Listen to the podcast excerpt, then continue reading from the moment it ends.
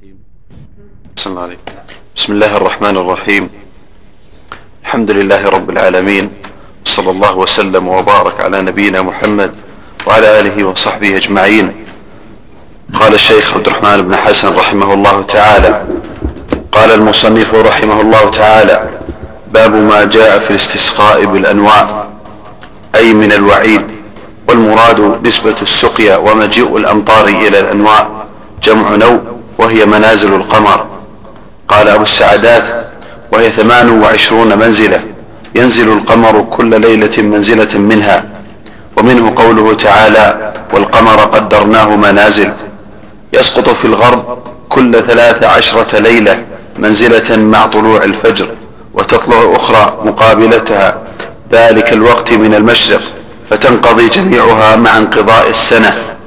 وكانت العرب تزعم أن مع سقوط المنزلة وطلوع رقيبها يكون مطر وينسبونه إليها ويقولون مطرنا بنوء كذا وإنما سمي نوءا لأنه إذا سقط الساقط منها ناء الطالع بالمشرق أي نهض وطلع. نعم. يسقط النجم جهة المغرب كل ثلاث عشرة ليلة ثم يطلع رقيبه من جهة المشرق ويزعمون أنه عند عند طلوع النجم في المغرب وسقوط رقيبه في المشرق أنه يحصل مطر وينسبونه إليه. سمي نوعا من ناع إذا طلع ونهض ومنازل القمر 28 منزلة يسقط القمر في كل ليلة في كل ثلاث عشرة ليلة منزلة فتنقضي. في العدد الساعة 28 23 إذا ضربت في 28 يكون هذا هذا مدار السنة. نعم. نعم. أحسن قال المصنف رحمه الله تعالى وقول الله تعالى وتجعلون رزقكم أنكم تكذبون روى الإمام أحمد والترمذي وحسنه وابن جرير وابن أبي حاتم والضياء في المختارة. عن علي رضي الله تعالى عنه قال قال رسول الله صلى الله عليه وسلم وتجعلون رزقكم يقول شكركم أنكم تكذبون يقولون مطرنا بنوء كذا وكذا بنجم كذا وكذا. وهذا أولى ما فسرت به الآية. يعني تجعلون رزقكم شكركم على ما أنزل عليكم من الغيث والمطر والرحمة أنكم تنسبونه إلى غير الله. وتجحدون نعمة الله وتنسبونه إلى غيره وتقولون مطرنا بنوء كذا وكذا. نعم. تجعلون رزق تجعلون رزقكم يعني شكركم على ما أنزل عليكم من الغيث والمطر والرحمة أنكم تكذبون تجحدون نعمة الله وتنسبونها إلى غيره وتقولون مطرنا بنوء كذا وكذا. التكذيب جحد. نعم. قال وهذا أولى ما فسرت به الآية.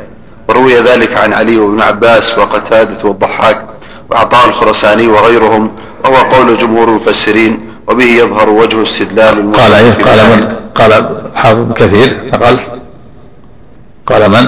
في الأول. قال أحسن عليك آه، أثر أثر علي رضي الله عنه. قال في الأول. قال ابن الأثر نعم. قال ابن كثير. قال روى الإمام أحمد والترمذي وحسنه إيه. وابن أبي حاتم والضياف المختارة عن علي. أثر علي. ثم نعم. قال بعد الأثر وهذا أولى ما فسرت به الآية. نعم. أعلم كلام الشافعي نعم.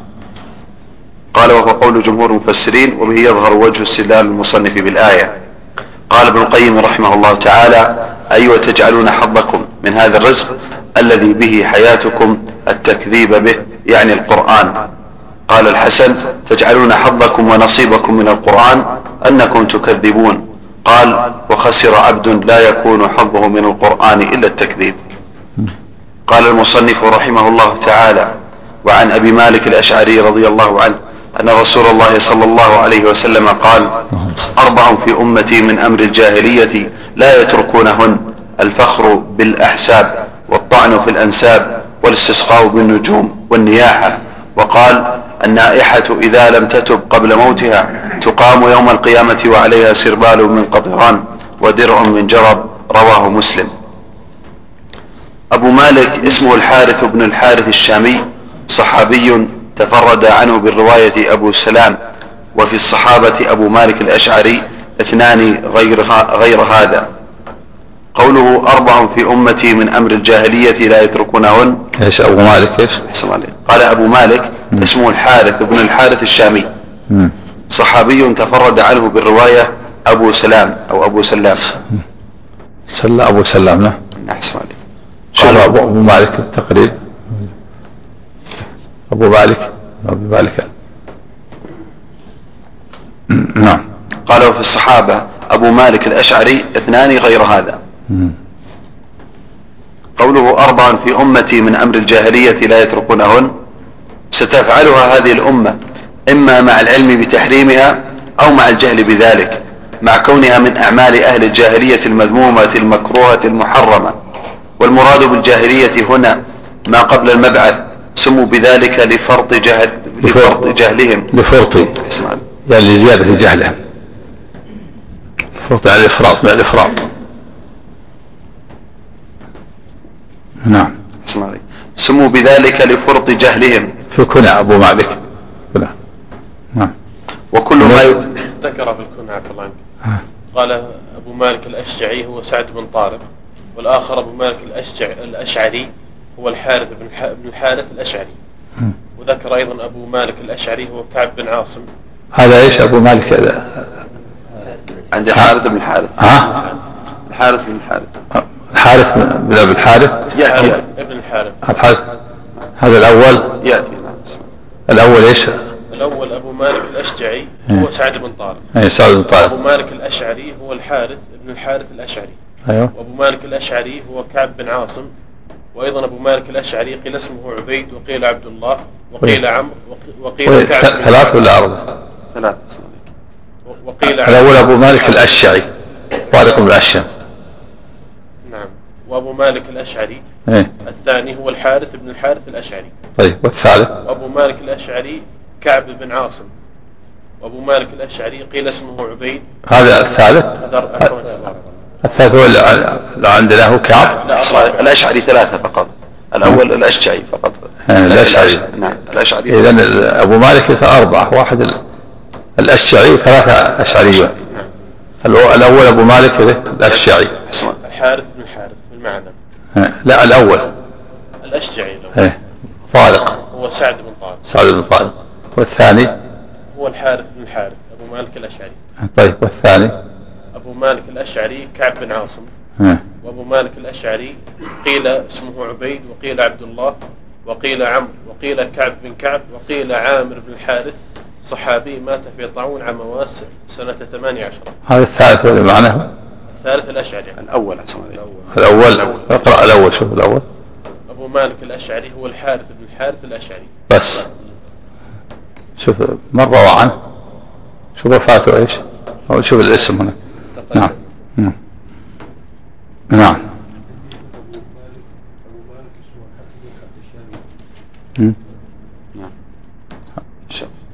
عنك ذكر قال الحارث بن الحارث الأشعري الشامي صحابي يكنى أبا مالك تفرد بال- بالرواية عنه أبو سلام. بس.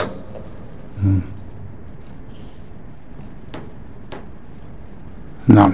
في ال في غيره في الخلاصة نعم. ها؟ أو التهذيب الشفاء نعم. بس أبو سلام بس. نعم. ما أتكلم. نعم.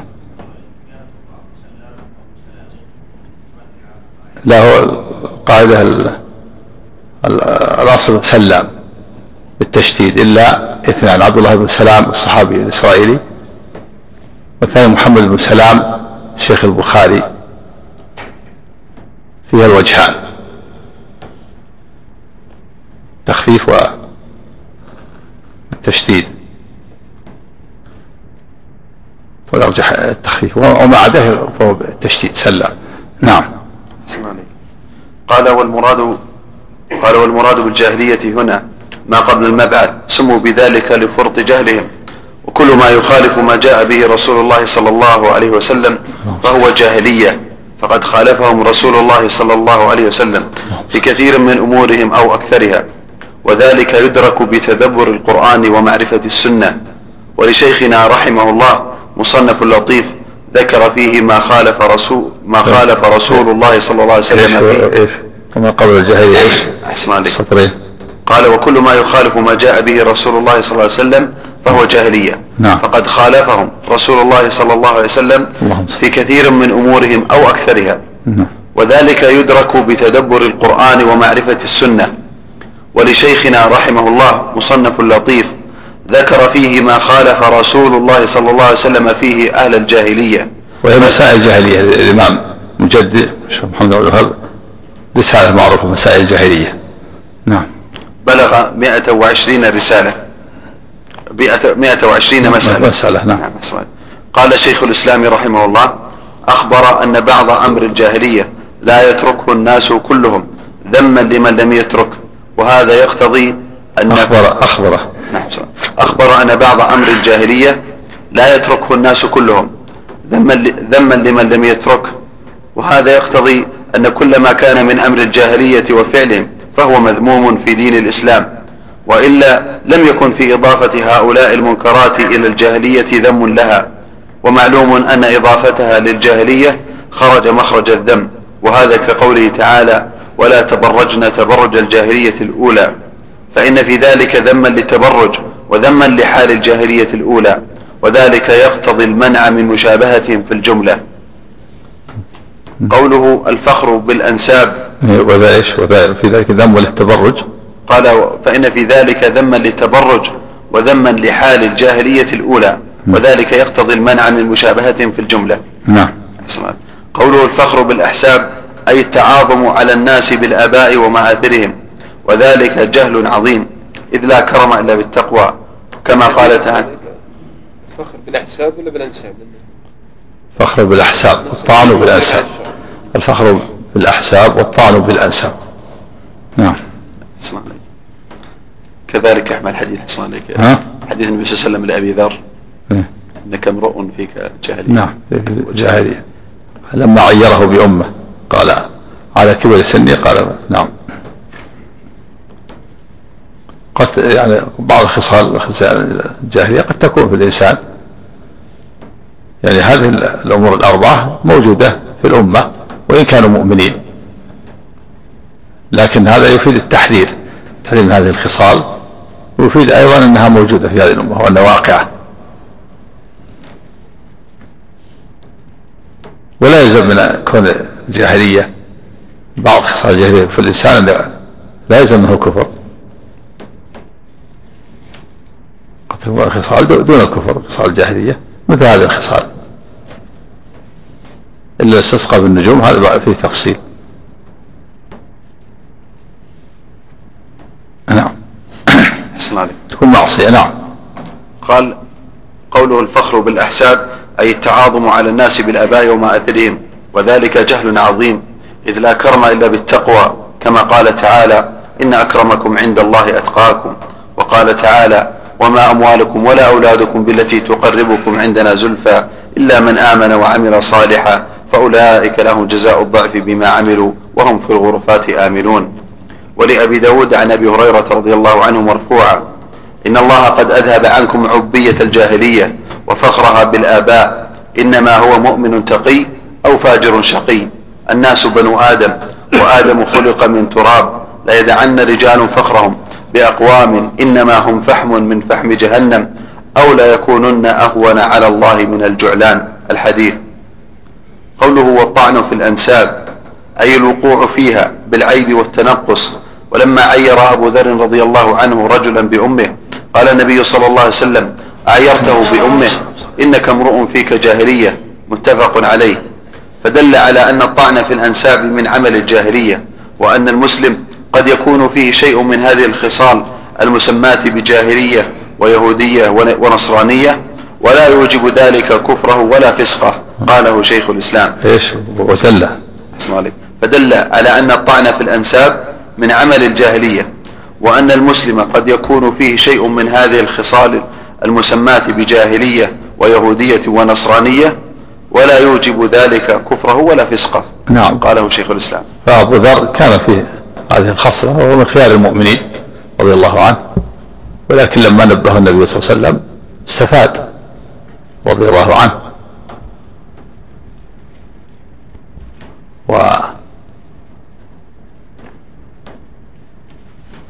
وقيل إنه حصل بينه وبين بلال الكلام أنه قال قال له ابن السوداء.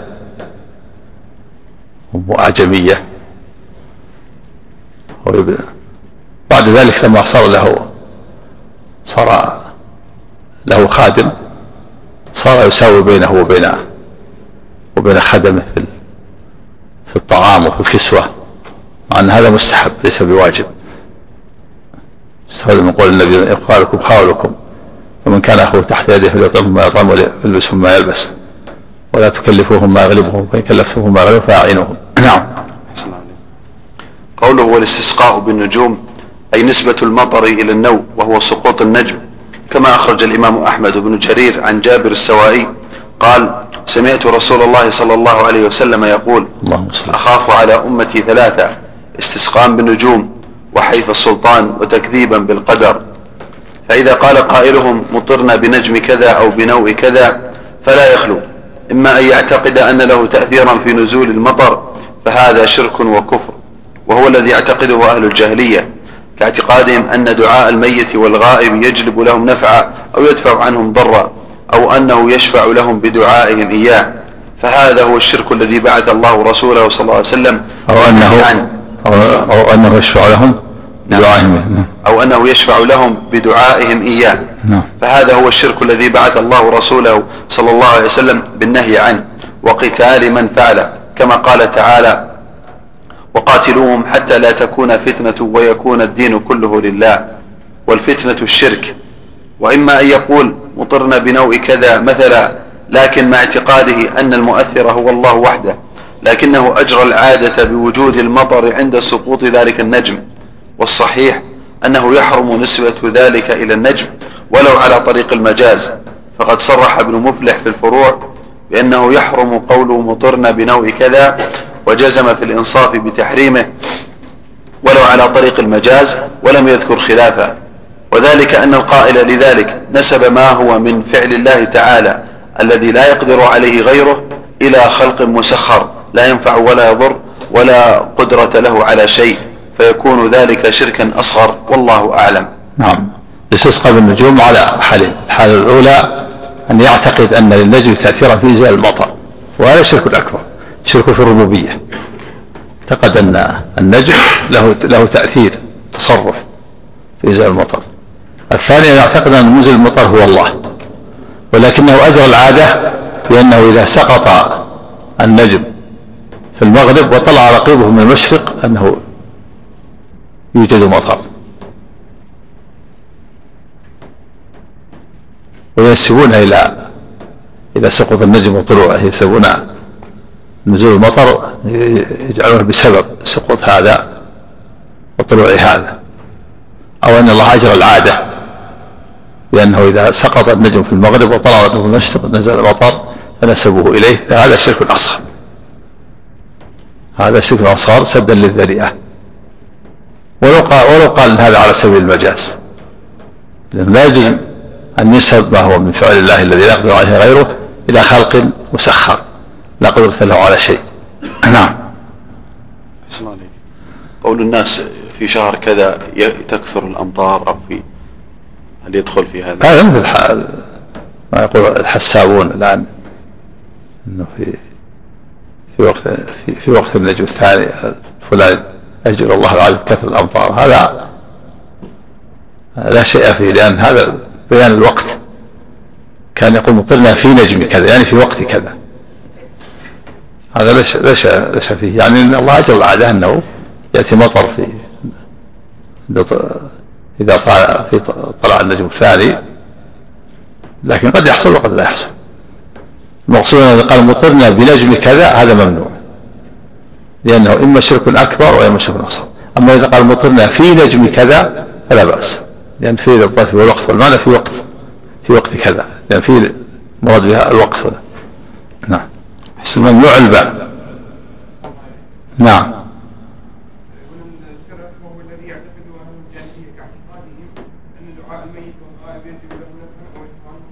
نعم. نعم. نعم. بعض بعض الجاهلية قد يشرك في الألوهية. مقر بتوحيد الربوبية.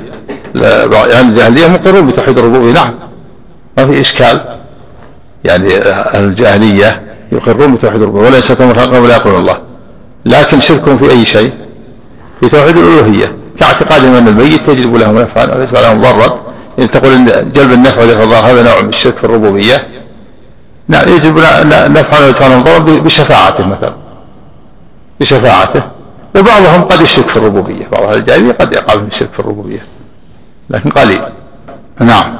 أحسن عليك. قوله والنياحة أي رفع الصوت بالندب على الميت لأنها تسخط لقضاء الله تعالى وذلك ينافي الصبر الواجب. الندب يعني تعداد محاسن الميت. الندب كان كذا وكان كذا وكان يطعمنا. وكذلك أيضا النياحة يدخل فيها رفع الصوت بالبكاء والعويل.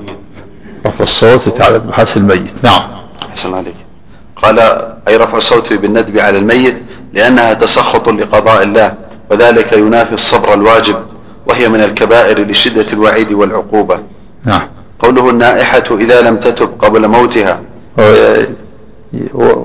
وقد يتبع ذلك لطم الخد شق الجيب. أو الثوب ونتف الشعر كل هذا من النياحة رفع الصوت والبكاء وتعدد محاسن الميت ولطم الخد وشق الثوب ونتف الشعر كل هذا من النياحة المحرمة وهي من كبائر الذنوب. نعم. أحسن عليك. قوله النائحة إذا لم تتب قبل موتها. فيه تنبيه على أن التوبة تكفر الذنب وإن عظم نعم. إذا لم تتب قبل موتها. ومن تاب تاب الله عليه. نعم. وهذا هذا مجمع عليه في الجملة وتكفر أيضا بالحسنات الماحية والمصائب. فيه إيش؟ فيه. فيه.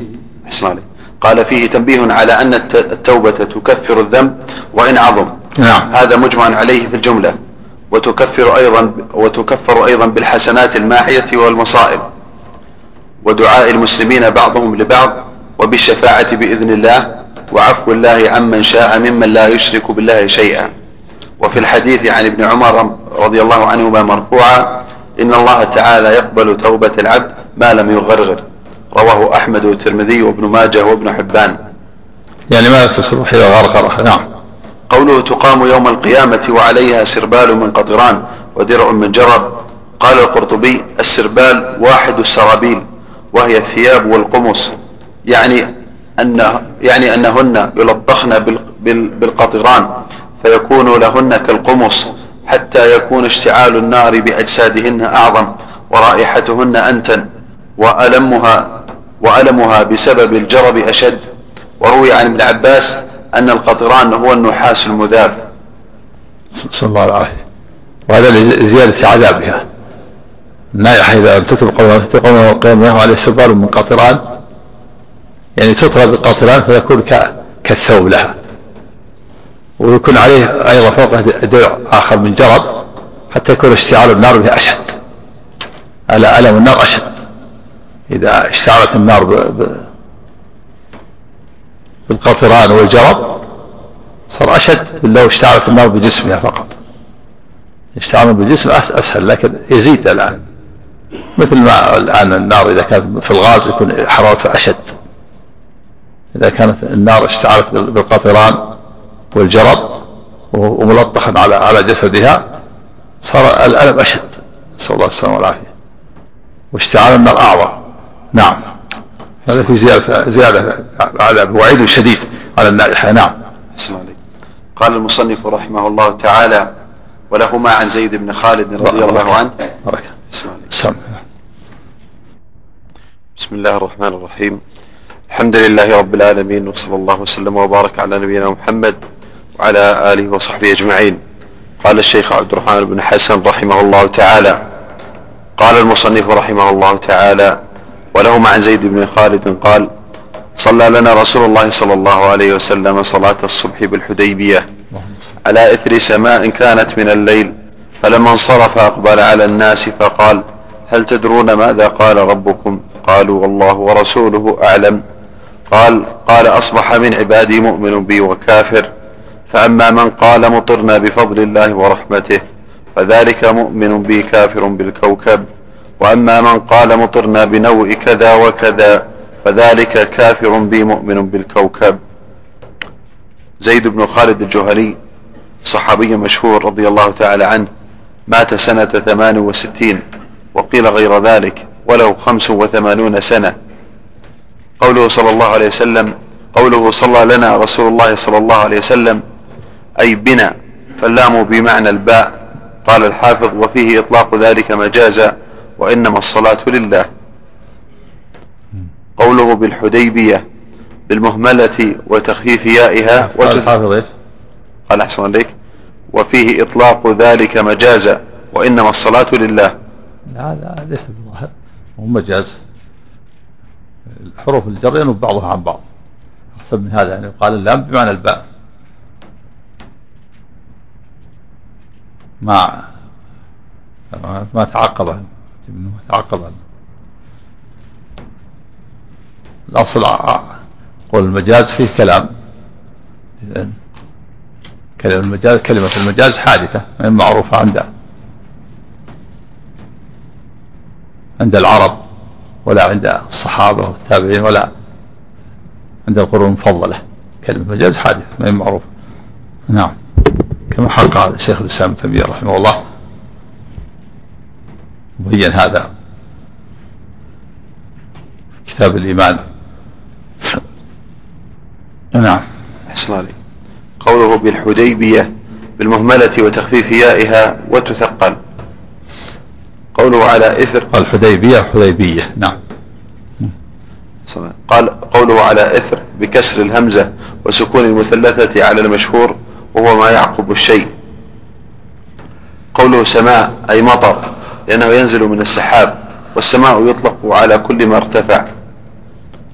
قوله فلما انصرف أي من صلاته أي التفت إلى المأمومين, إلى المأمومين كما يدل عليه قوله أقبل على الناس ويحتمل أنه أراد السلام.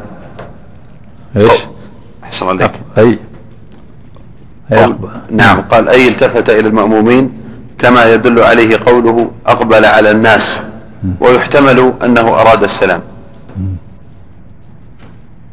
لا الثاني الأول هو هو الظاهر نعم. الصراف من الصلاة. لا أقبل على المأمون بوجهه. قال من صرف نعم. قوله هل تدرون لفظ استفهام ومعناه تنبيه وفي النسائي ألم تسمعوا ما قال ربكم الليلة؟ وهذا من الأحاديث القدسية. وفيه إلقاء العالم المسألة على أصحابه ليختبرهم. نعم قول تدرون ماذا قال ربك قال أصبح من العباد مؤمن وكافر حديث قدسي. من قول الله لفظا ومعنى. قال أصبح من العباد مؤمن وكافر هذا من كلام الله لفظا ومعنى. نعم. لأن النبي صلى الله عليه وسلم أضافه إلى الله. تدرون ماذا قال ربكم الليلة؟ نعم. اسمع عليك قوله قالوا الله ورسوله أعلم فيه حسن الأدب للمسؤول إذا سئل عما لا يعلم. أن يكل العلم إلى عالمه وذلك يجب. نعم. وهذا يقال في حياة النبي صلى الله عليه وسلم قال الله ورسوله أعلم. أما بعد وفاته فيقال الله أعلم. لأن الرسول لا يعلم الغيب ولا يعلم أحوال أمته. ولم دليل صحيح يدل على أن أعمال أمته تعرض عليه كما جاء في بعض الأحاديث الضعيفة. نعم.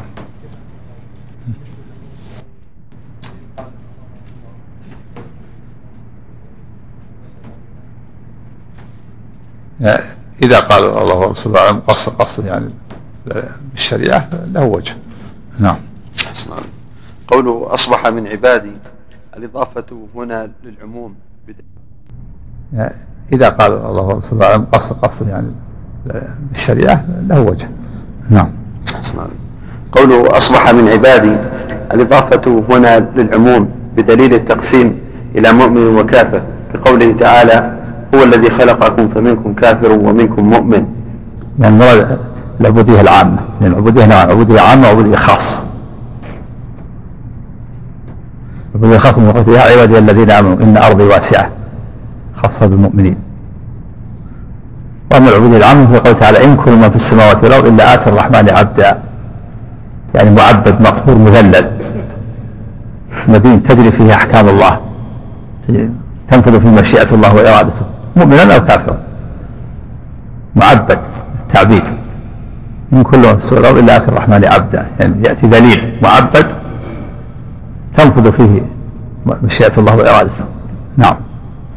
أما العبودية الخاصة فهي فهو مؤمن يعبد الله باختياره.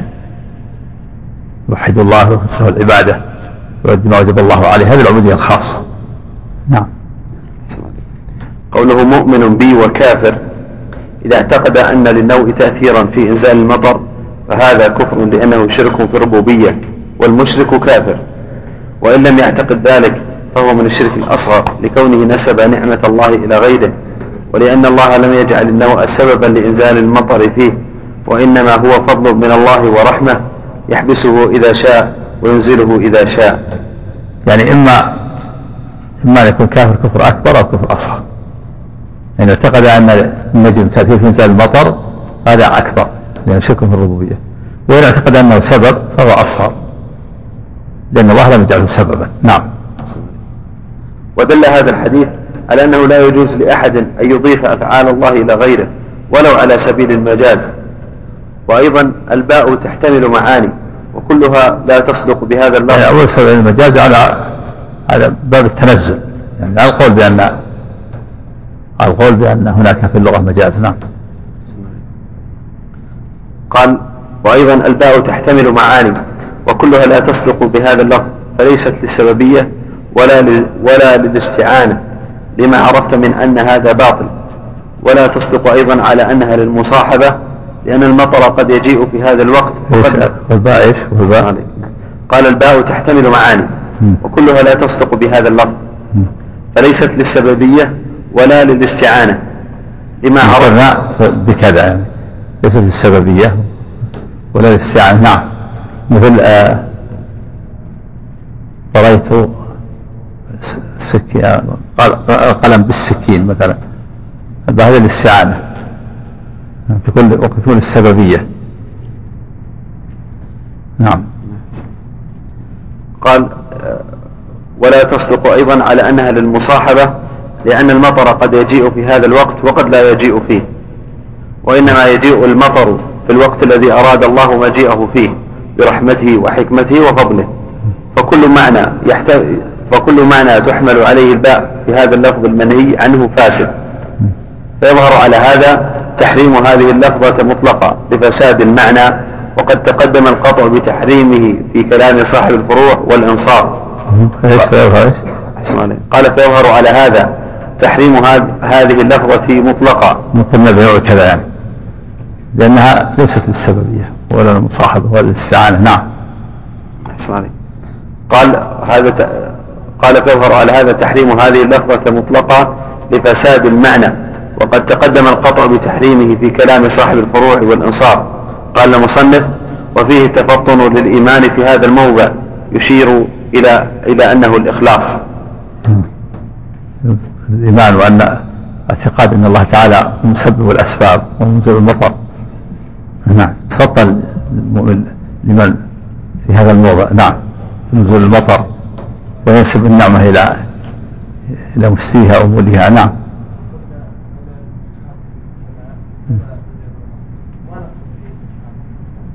نقول لولا الله ثم السحاب لا تقول لولا فلان كان كذا. نعم. عليك قال الحاشية. وكذلك مثل ما يستعمله الجاهلون كقولهم يا ربنا بمحمد وببنته ونحو ذلك من ألفاظ توسلاتهم ودعواتهم الجاهلية. نعم بل هذا توسل باطل توسل بحرمته بذات النبي صلى الله عليه وسلم. هذا بدعة أو بحرمة فلان أو بجاه فلان. نعم. أحسن عليك. قوله فأما من قال مطرنا بفضل الله ورحمته فالفضل والرحمة صفتان لله. ومذهب أهل السنة والجماعة. أن ما وصف, أن ما وصف الله به نفسه ووصفه به رسوله صلى الله عليه وسلم من صفات الذات كالحياة والعلم وصفات الأفعال كالرحمة التي يرحم بها عباده. كلها صفات لله قائمة بذاته ليست قائمة بغيره. فتفطن لهذا فقد غلط فيه طوائف. وفي هذا الحديث أن نعم الله لا يجوز أن تضاف إلا إليه وحده وهو الذي يحمد عليها وهذا حال أهل التوحيد. شوف في هذا الحديث. أحسن عليك. قال وفي هذا الحديث أن نعم الله لا يجوز أن تضاف إلا إليه وحده وهو الذي يحمد عليها وهذه حال أهل التوحيد. نعم. قوله وأما من قال مطرنا بنوع كذا وكذا إلى آخره وقد تقدم ما يتعلق بذلك. قال المصنف وفيه التفطن للكفر في هذا الموضع يشير إلى أن نسبة النعمة إلى غير الله كفر ولهذا قطع بعض العلماء بتحريمه. وإن لم يعتقد تأثيرا وإن لم يعتقد تأثير النوء في إنزال المطر فيكون من وإن لم يعتقد تأثير النوء في إنزال المطر فيكون من كفر النعم لعدم نسبتها إلى الذي أنعم بها ونسبتها ونسبتها لعدم نسبتها إلى الذي أنعم بها ونسبتها إلى غيره. كما سيأتي في قوله تعالى يعرفون نعمة الله ثم ينكرونها. يقول مثلنا بنوع كذا. إذا لم يعتقد أن النجم كثيرا في سن المطر وإنما هم باب السبب هذا من كفر النعم. هذا كفر أصغر من كفر النعمة حيث نسب النعمة إلى غير مستيها وأمورها نسبها إلى النجم. جعله سبب والنجم ليس بسبب. أما إذا اعتقد أن النجم تأثيرا في نزول المطر هذا شرك أكبر كما سبق. يعني كلام فيما إذا اعتقد أنه سبب. ونسب النعمة النجم من باب السبب. هذا كفر من كفر النعمة. نعم. قال القرطبي في شرح حديث زيد بن خالد وكانت العرب إذا طلع نجم من المشرق وسقط آخر من المغرب فحدث عند ذلك مطر أو ريح فمنهم من ينسبه إلى الطالع. قال, قال القرطبي.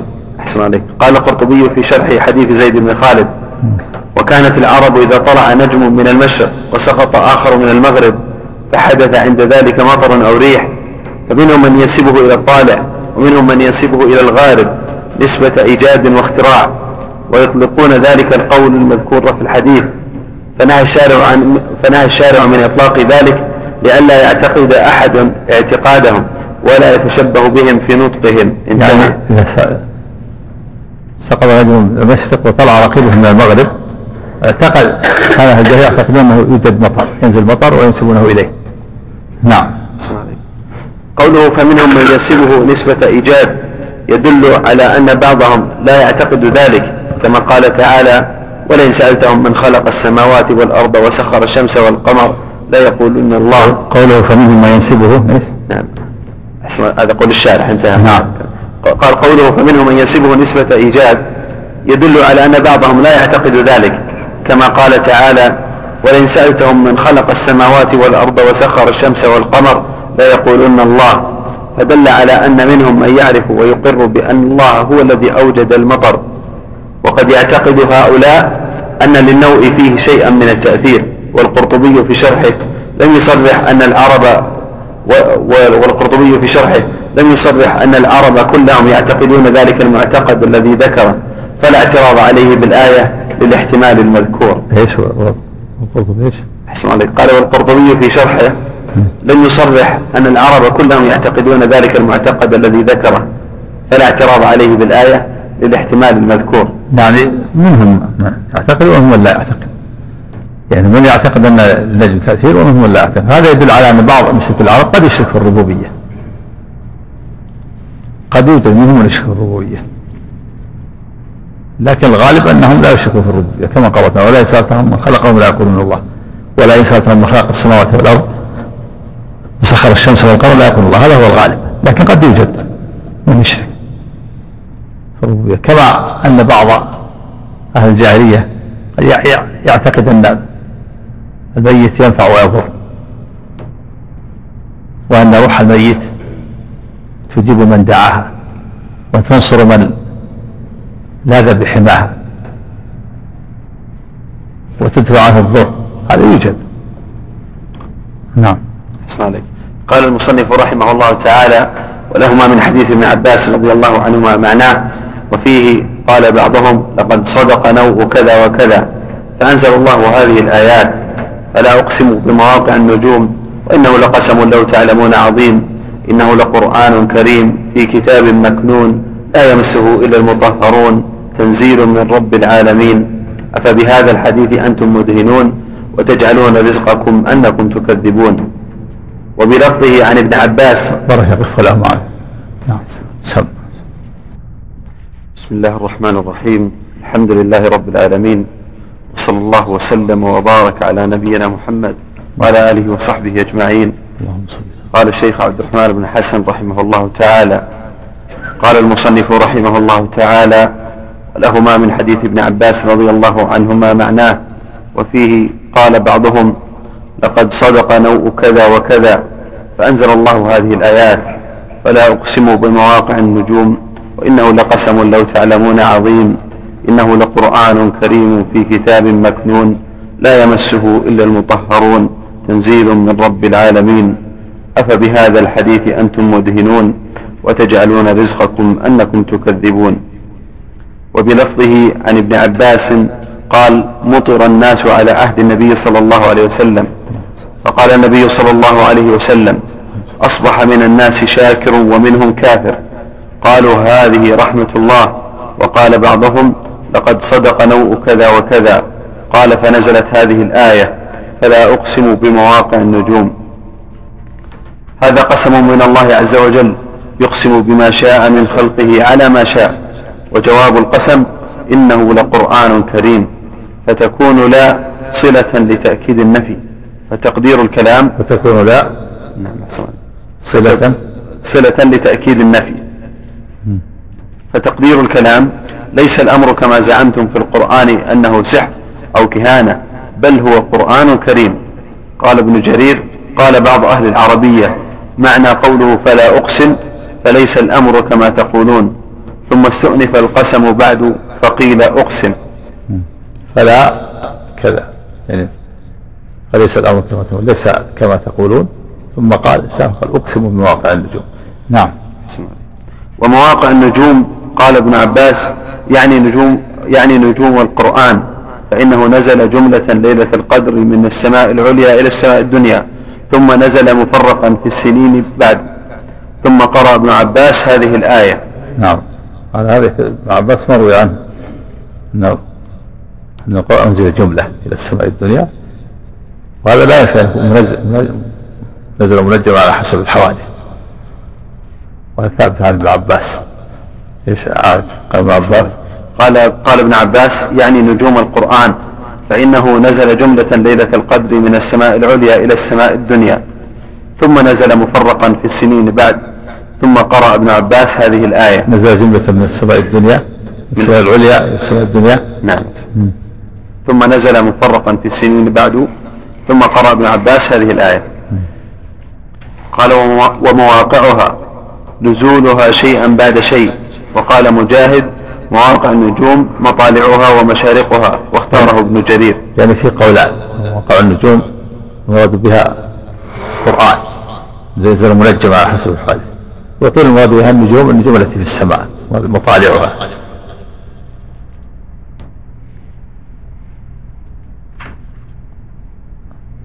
نعم.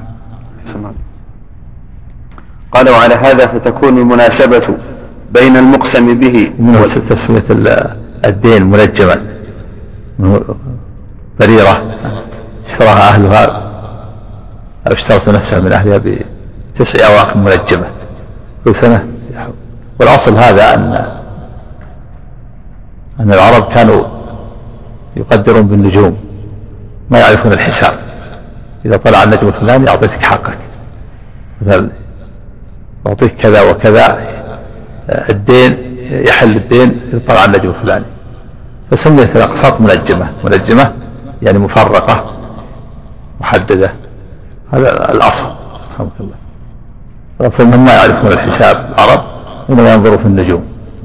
يحددون المواعيد أو الأقساط حسب طلوع النجوم. فسمي فسمي الأقساط منجمة. نعم. نعم. قال وعلى هذا فتكون المناسبة بين المقسم به والمقسم عليه وهو القرآن من وجوه. أحدها أن النجوم جعلها الله يهتدى بها في ظلمات البر والبحر. قال هذا يكون إيش؟ المناسبة بين إيش؟ بين نعم. قال وفتكون المناسبة بين المقسم به والمقسم عليه وهو القرآن من وجوه. مقسم عليه القرآن والمقسم به النجوم. نعم. أحدها أن النجوم جعل الله يهتدى بها في ظلمات البر والبحر وآيات القرآن يهتدى بها في ظلمات الغي والجهل. الله فتلك هداية في الظلمات الحسية والقرآن هداية في الظلمات المعنوية. فجمع بين الهدايتين مع ما في النجوم من الزينة الظاهرة وفي القرآن من الزينة الباطنة ومع ما في النجوم من الرجوم للشياطين وفي القرآن من رجوم شياطين الإنس والجن. والنجوم آياته المشهودة العياني العيانية والقرآن آياته المتلوة السمعية. مع ما في مواقعها عند الغروب من العبرة والدلالة على آياته القرآنية. مع ما في؟ أحسن عليك قال مع ما في مواقعها عند الغروب من العبرة والدلالة على آياته القرآنية ومواقعها عند النزول ذكره ابن القيم. مع ما في؟ مع في غروب إيش؟ أحسن عليك قال مع ما في مواقعها عند الغروب من العبرة والدلالة على آياته القرآنية ومواقعها عند النزول. نعم. ذكره ابن القيم. يعني في مناسبة بين القسم والمقسم به المقسم به والمقسم عليه؟ النجوم. يهتدى بها في الظلمات الحسية والقرآن في الظلمات المعنوية. القرآن النجوم في في غروبها عبرة والآيات في نزولها عبرة ودلالة. نعم. عليك وقوله وإنه فيها زينة في السماء ظاهرة. والقرآن زينة باطنة. نعم. وقوله وإنه لقسم لو تعلمون عظيم. قال ابن كثير أي وإن هذا القسم الذي أقسمت به لقسم عظيم. لو تعلمون عظمته لعظمتم المقسم به عليه. نعم. إيه؟ أحسن عليك. قال ابن كثير أي وإن هذا القسم الذي أقسمت به لقسم عظيم. لو تعلمون عظمته لعظمتم المقسم به عليه. وقوله إنه لقرآن كريم هذا هو المقسم عليه وهو القرآن. أي وإنه وحي الله وتنزيله وكلامه. لا كما يقول الكفار إنه سحر أو كهانة أو شعر. بل هو قرآن كريم أي عظيم كثير الخير لأنه كلام الله. قال ابن القيم رحمه الله فوصفه بما يقتضي حسنه وكثرة خيره ومنافعه وجلالته. فإن وكثرة وكثرة خيره ومنافعه. فوصفه ما يقتضي حسنه وكثرة خيره ومنافعه. نعم. نعم. قال القيم فوصفه بما يقتضي حسنه وكثرة خيره ومنافعه وجلالته. فإن الكريم هو البهي الكثير الخير العظيم النفع وهو من كل شيء أحسنه وأفضله. الله سبحانه وتعالى وصف نفسه بالكرم ووصف به كلامه ووصف به عرشه ووصف به ما كثر خيره وحسن منظره من النبات وغيره. ولذلك فسر السلف ولذلك فسر السلف الكريم بالحسن. قال الأزهري. ولذلك فسر السلف. نعم. ولذلك فسر السلف الكريم بالحسن. نعم. قال الأزهري الكريم اسم جامع لما يحمد والله تعالى كريم جميل الفعال. وإنه لقرآن كريم يحمد لما فيه من الهدى والبيان والعلم والحكمة. قوله في كتاب مكنون أي معظم في كتاب معظم محفوظ موقر قاله ابن كثير وقال ابن القيم اختلف المفسرون في هذا فقيل هو اللوح المحفوظ والصحيح أنه الكتاب الذي بأيدي الملائكة وهو المذكور في قوله في صحف مكرمة. في كتاب في كتاب مكنون. قوله في كتاب مكنون. قال وقوله في كتاب مكنون. أي معظم. في كتاب معظم محفوظ موقر قاله ابن كثير. وقال ابن القيم اختلف المفسرون في هذا فقيل هو اللوح المحفوظ. والصحيح أنه الكتاب الذي بأيدي الملائكة وهو المذكور في قوله في صحف مكرمة مرفوعة مطهرة بأيدي سفرة كرام بررة ويدل على أنه الكتاب الذي بأيدي الملائكة قوله لا يمسه إلا المطهرون فهذا يدل على أنه بأيديهم يمس يمسونه. قوله لا يمسه إلا المطهرون قال ابن عباس لا يمسه إلا المطهرون قال الكتاب الذي في السماء وفي رواية لا يمسه إلا المطهرون يعني الملائكة. وقال قتادة لا يمسه عند الله إلا المطهرون فأما في الدنيا فإنه يمسه فأما في الدنيا فإنه يمسه المجوسي النجس والمنافق والمنافق الرجس. واختار هذا القول كثيرون منهم ابن القيم ورجحه. وقال ابن زيد زعمت قريش أن هذا القرآن تنزلت به الشياطين فأخبر الله تعالى أنه لا يمسه إلا المطهرون كما قال تعالى وما تنزلت به الشياطين وما ينبغي لهم وما يستطيعون إنهم, إنهم عن السمع لمعزولون. قال ابن كثير هذا قول جيد وهو لا يخرج عن القول قبله. وقال البخاري في صحيحه في هذه الآية لا يجد طعمه إلا من آمن به. قال ابن القيم رحمه الله هذا من إشارة الآية وتنبيهها وهو أنه لا يتلذذ به وبقراءته وفهمه وتدبره إلا من يشهد أنه كلام الله تكلم به حقا وأنزله على رسوله وحيا. لا ينال معانيه إلا من لم يكن في قلبه منه حرج بوجه من الوجوه. وقال آخرون لا يمسه إلا المطهرون أي من الجنابة والحدث. قالوا ولفظ الآية خبر ومعناه الطلب. وقالوا والمراد بقرآنها هنا المصحف واحتجوا على ذلك بما رواه مالك في الموطأ. عبد الله بن محمد بن أبي بكر بن ابن محمد بن عمرو بن حزم. إن في الكتاب الذي كتبه رسول الله صلى الله عليه وسلم لعمرو بن حزم أن لا يمس القرآن إلا طاهر. وقوله تنزيل من رب العالمين. قال ابن كثير وحديث حسن أخذ به الأئمة الأربعة. نعم. قوله تنزيل من رب العالمين. قال ابن كثير أي, في أي هذا القرآن منزل من الله رب العالمين. وليس كما يقولون إنه سحر وكهانة أو شعر.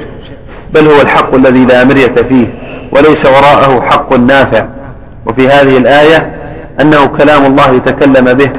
قال ابن القيم ونظيره ولكن حق القول مني وقوله قل نزله روح القدس من ربك بالحق وهو إثبات علو الله تعالى على خلقه. فإن النزول والتنزيل الذي تعقله العقول وتعرفه الفطر هو وصول الشيء من أعلى إلى أسفل. ولا نعم. يرد عليه هذا من إثبات تنزيل من رب العالمين. النزول من أعلى إلى أسفل. من أدلة العلو حاميم تنزيل كتاب من الله العزيز الحكيم. تنزيل من الرحمن الرحيم. تنزيل من رب العالمين. قل نزله روح من ربك.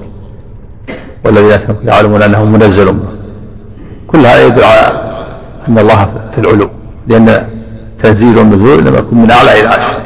نعم. احسن عليك قال و ولا يرد عليه قوله وأنزل لكم من الأنعام ثمانية أزواج لأن نقول إن الذي أنزلها فوق سماواته فأنزلها لنا بأمره قال ابن القيم وذكر إن الذي أنزلها لأن نقول أحسن عليك. لأن نقول إن الذي أنزلها فوق سماواته فأنزلها لنا بأمره. نعم. يعني ما يكون أنزل لكم من الأنعام. وكذلك وأنزلها من السماء ماء طهورا وأنزلنا الحديد. ما يرد هذا؟ أنزل الحديد كله في, في إنزال من أعلى إلى أسفل. يعني في الجملة فالحديد إنما يؤخذ من الجبال. و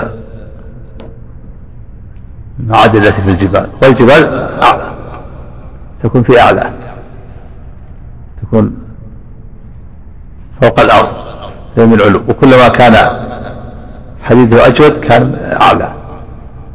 والأنعام كذلك نزلت من الأنعام. في نزول الأجنة. من بطون أمهاتها إلى الأرض. وكذلك أنزلنا من السماء ماء طهر المطر ينزل من أعلى. وأنزل الحديد. وإنزال القرآن هذا صريح بأنه منزل من عند الله منزل من ربك. نعم. قال ولا يرد عليه قوله وأنزل لكم من الأنعام ثمانية أزواج لأن نقول إن الذي أنزلها فوق سماواته فأنزلها لنا بأمره. قال ابن القيم وذكر, وذكر التنزيل مضافا إلى ربوبيته للعالمين المستلزمة لملكه لهم وتصرفه فيهم وحكمه عليهم وإحسانه وإنعامه عليهم وأن من, وأن من هذا شأنه مع الخلق كيف يليق به مع ربوبيته التامة؟ أن يتركهم سدى ويدعهم هملا ويخلقهم عبثا لا يأمرهم ولا ينهاهم. ولا يثيبهم ولا يعاقبهم. فمن أقر بأنه رب العالمين أقر بأن القرآن تنزيله على رسوله واستدل بكونه رب العالمين على ثبوت رسالة رسوله وصحة ما جاء به. وهذا الاستدلال أقوى وأشرف من الاستدلال بالمعجزات والخوارج. أحسن الله عليك. قال ابن القيم رحمه الله وذكر التنزيل وذكر نعم التنزيل. وذكر التنزيل مضافا إلى ربوبيته للعالمين. من رب العالمين. نعم. قال وذكر التنزيل مضافا إلى ربوبيته للعالمين المستلزمة لملكه لهم وتصرفه فيهم وحكمه عليهم وإحسانه وإنعامه عليهم. وأن من هذا شأنه مع الخلق كيف يليق به مع ربوبيته التامة أن يتركهم سدى ويدعهم هملا ويخلقهم عبثا. لا يأمرهم ولا ينهاهم ولا يثيبهم ولا يعاقبهم. فمن أقر بأنه رب العالمين أقر بأن القرآن تنزيله على رسوله واستدل بكونه رب العالمين على ثبوت رسالة رسوله وصحة ما جاء به. وهذا الاستدلال أقوى وأشرف من الاستدلال بالمعجزات والخوارق. وإن كانت دلالتها أقرب إلى أذهان عموم الناس وتلك إنما تكون لخواص العقلاء. قوله أفبهذا الحديث أنتم مدهنون؟ قال مجاهد أي تريدون أن تمالئوهم أن تمالئوهم فيه وتركنوا إليهم. قال ابن القيم ثم وبخهم سبحانه على وضع الأدهان في غير مواضع في غير موضعها. على وضع الإدهان. كسر. يعني مداهنة. ودوا لو تدهنوا فيدهنون الله تعالى المشركين يودون الرسول يداهنهم. قالوا له طلبوا منه مداهنة قالوا اعبد إلهنا السلام ونعبد إلهك صار صلح بيننا وبينك. ودوا أن تداهنهم ودوا لو تدهنوا فيدهنون نعم. عليك. قال ثم وبخهم سبحانه على وضعهم الإدهان في غير موضعها وأنهم يداهنون فيما حقه فيما حقه أن يصدع به ويفرق ويفرق به. ويغ... نعم عليك. فيما حقه أن يصدع به. نعم فيما حق قال وأنهم يداهنون فيما حقه أن يصدع به ويفرق به. نعم. ويع- ويعرف.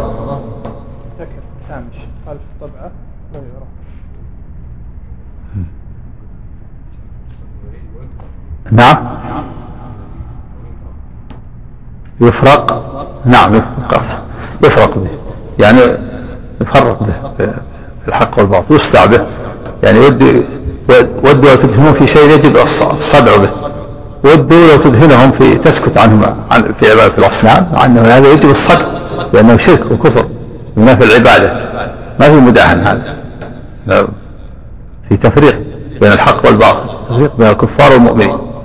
يصدع ويفرق به بين أهل الحق وبين أهل التوحيد بين أهل الحق وأهل التوحيد وبين أهل الكفر والإشراك. نعم.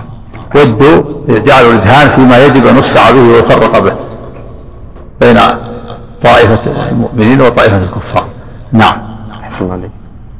قال وأنهم يداهنون فيما حقه أن يصدع به ويفرق به ويعض عليه بالنواجذ وتثنى عليه الخناصر وتعقد عليه القلوب والأفئدة ويحارب ويسالم لأجله ولا يلتوي ولا يلتوى عنه يمنة ولا يسرى نعم وهو الموالاة والمعاداة التوحيد.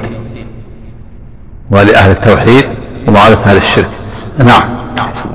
قال ولا يكون للقلب التفات إلى غيره ولا محاكمة إلا إليه ولا مخاصمة إلا به ولا اهتداء في طريق المطالب العالية إلا بنوره ولا شفاء إلا به فهو روح الوجود وحياة العالم ومدار السعادة وفائدة الفلاح وطريق النجاة وسبيل الرشاد. فهو إيش؟ فهو أحسن عليك. قال فهو روح الوجود وحياة العالم ومدار السعادة وفائدة الفلاح وطريق النجاة. فائدة الفلاح.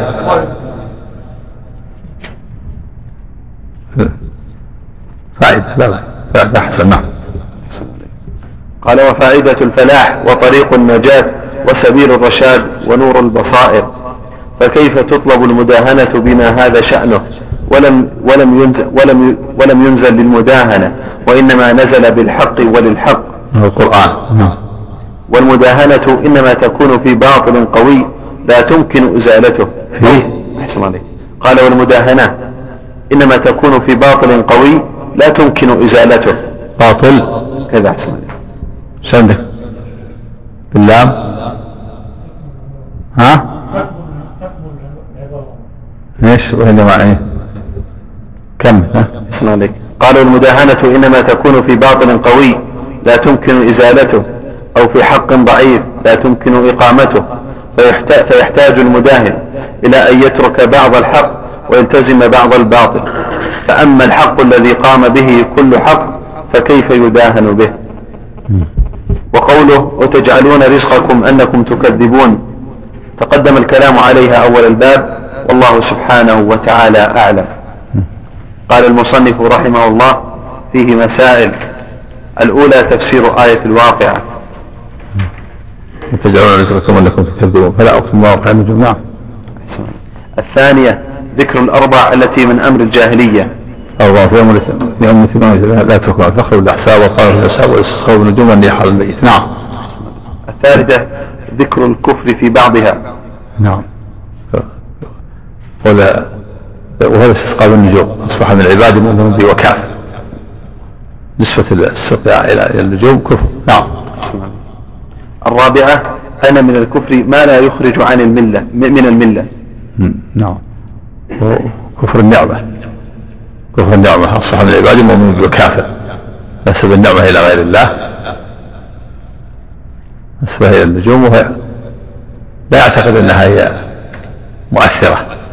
هذا من كفر النعمة. أما إذا اعتقد أنها تأثير أن النجم له تأثير ينزل المطر هذا كفر أكبر شكر نعم. الخامسة قوله أصبح من عبادي مؤمن بي وكافر بسبب نزول النعمة. نعم. سبب نزول النعمة هو المطر أصبح الناس مؤمن وكافر. نعم. السادسة التفطن للإيمان في هذا الموضع. نعم في وقت النزول. نزول المطر نسبة المطر إلى الخالق تفطن للإيمان. فلا ينسب النعمة إلى إلى النجم. نعم. السابعة تفطن للكفر في هذا الموضع. نعم. في كفر وإيمان من نسب النعمة إلى غير الله كفر ومن نسب إلى الله فهو مؤمن. نعم. أحسن عليك الثامنة التفطن لقوله لقد صدق نوء كذا وكذا. قول المشركين لقد صدق نوء كذا وكذا. نعم في الجاهلية. نعم. أحسن عليك التاسعة إخراج العالم للتعليم للمسألة بالاستفهام عنها هل تدرون هل تدرون ماذا قال ربكم الليلة؟ إخراج نعم إخراج. قال إخراج العالم للتعليم للمسألة بالاستفهام عنها لقوله أتدرون ماذا قال ربكم؟ نعم. العاشرة وعيد النائحة. نعم وأن عليها وعيد شديد. تقام يوم القيامة على سباب من قطرة ودعاء من جرب. نعم. باب قول الله تعالى. نعم. سلام نعم سلام سلام نعم.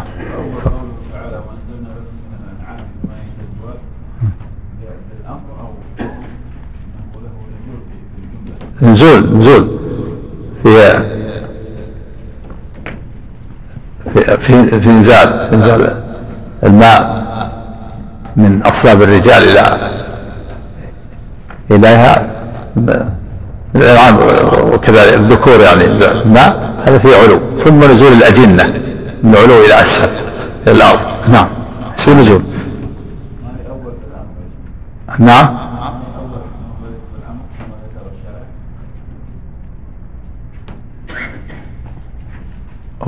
وسبحانه وتعالى لا شك أن كل شيء بأمره. لكن بس النزول الآن فرق بين هذا النزول بعض المعتزلة يشبه بهذا يقول إن نزول القرآن مثل نزول الالعاب نزول الحديد ونزول المطر. يجاب بأن هذا نزول مقيد ونزول القرآن نزول القرآن آه، مقيد بأنه من عند الله. أما هذا نزول مطلق الحديد. ما فيه أنه من عند الله. ما قال الحديد من عندي. بخلاف القرآن نزل من ربك. وإنزال الأنعام هو نزول كذا. نزول نسبي حيث أن الأجنة تنزل من أعلى إلى أسفل. نعم.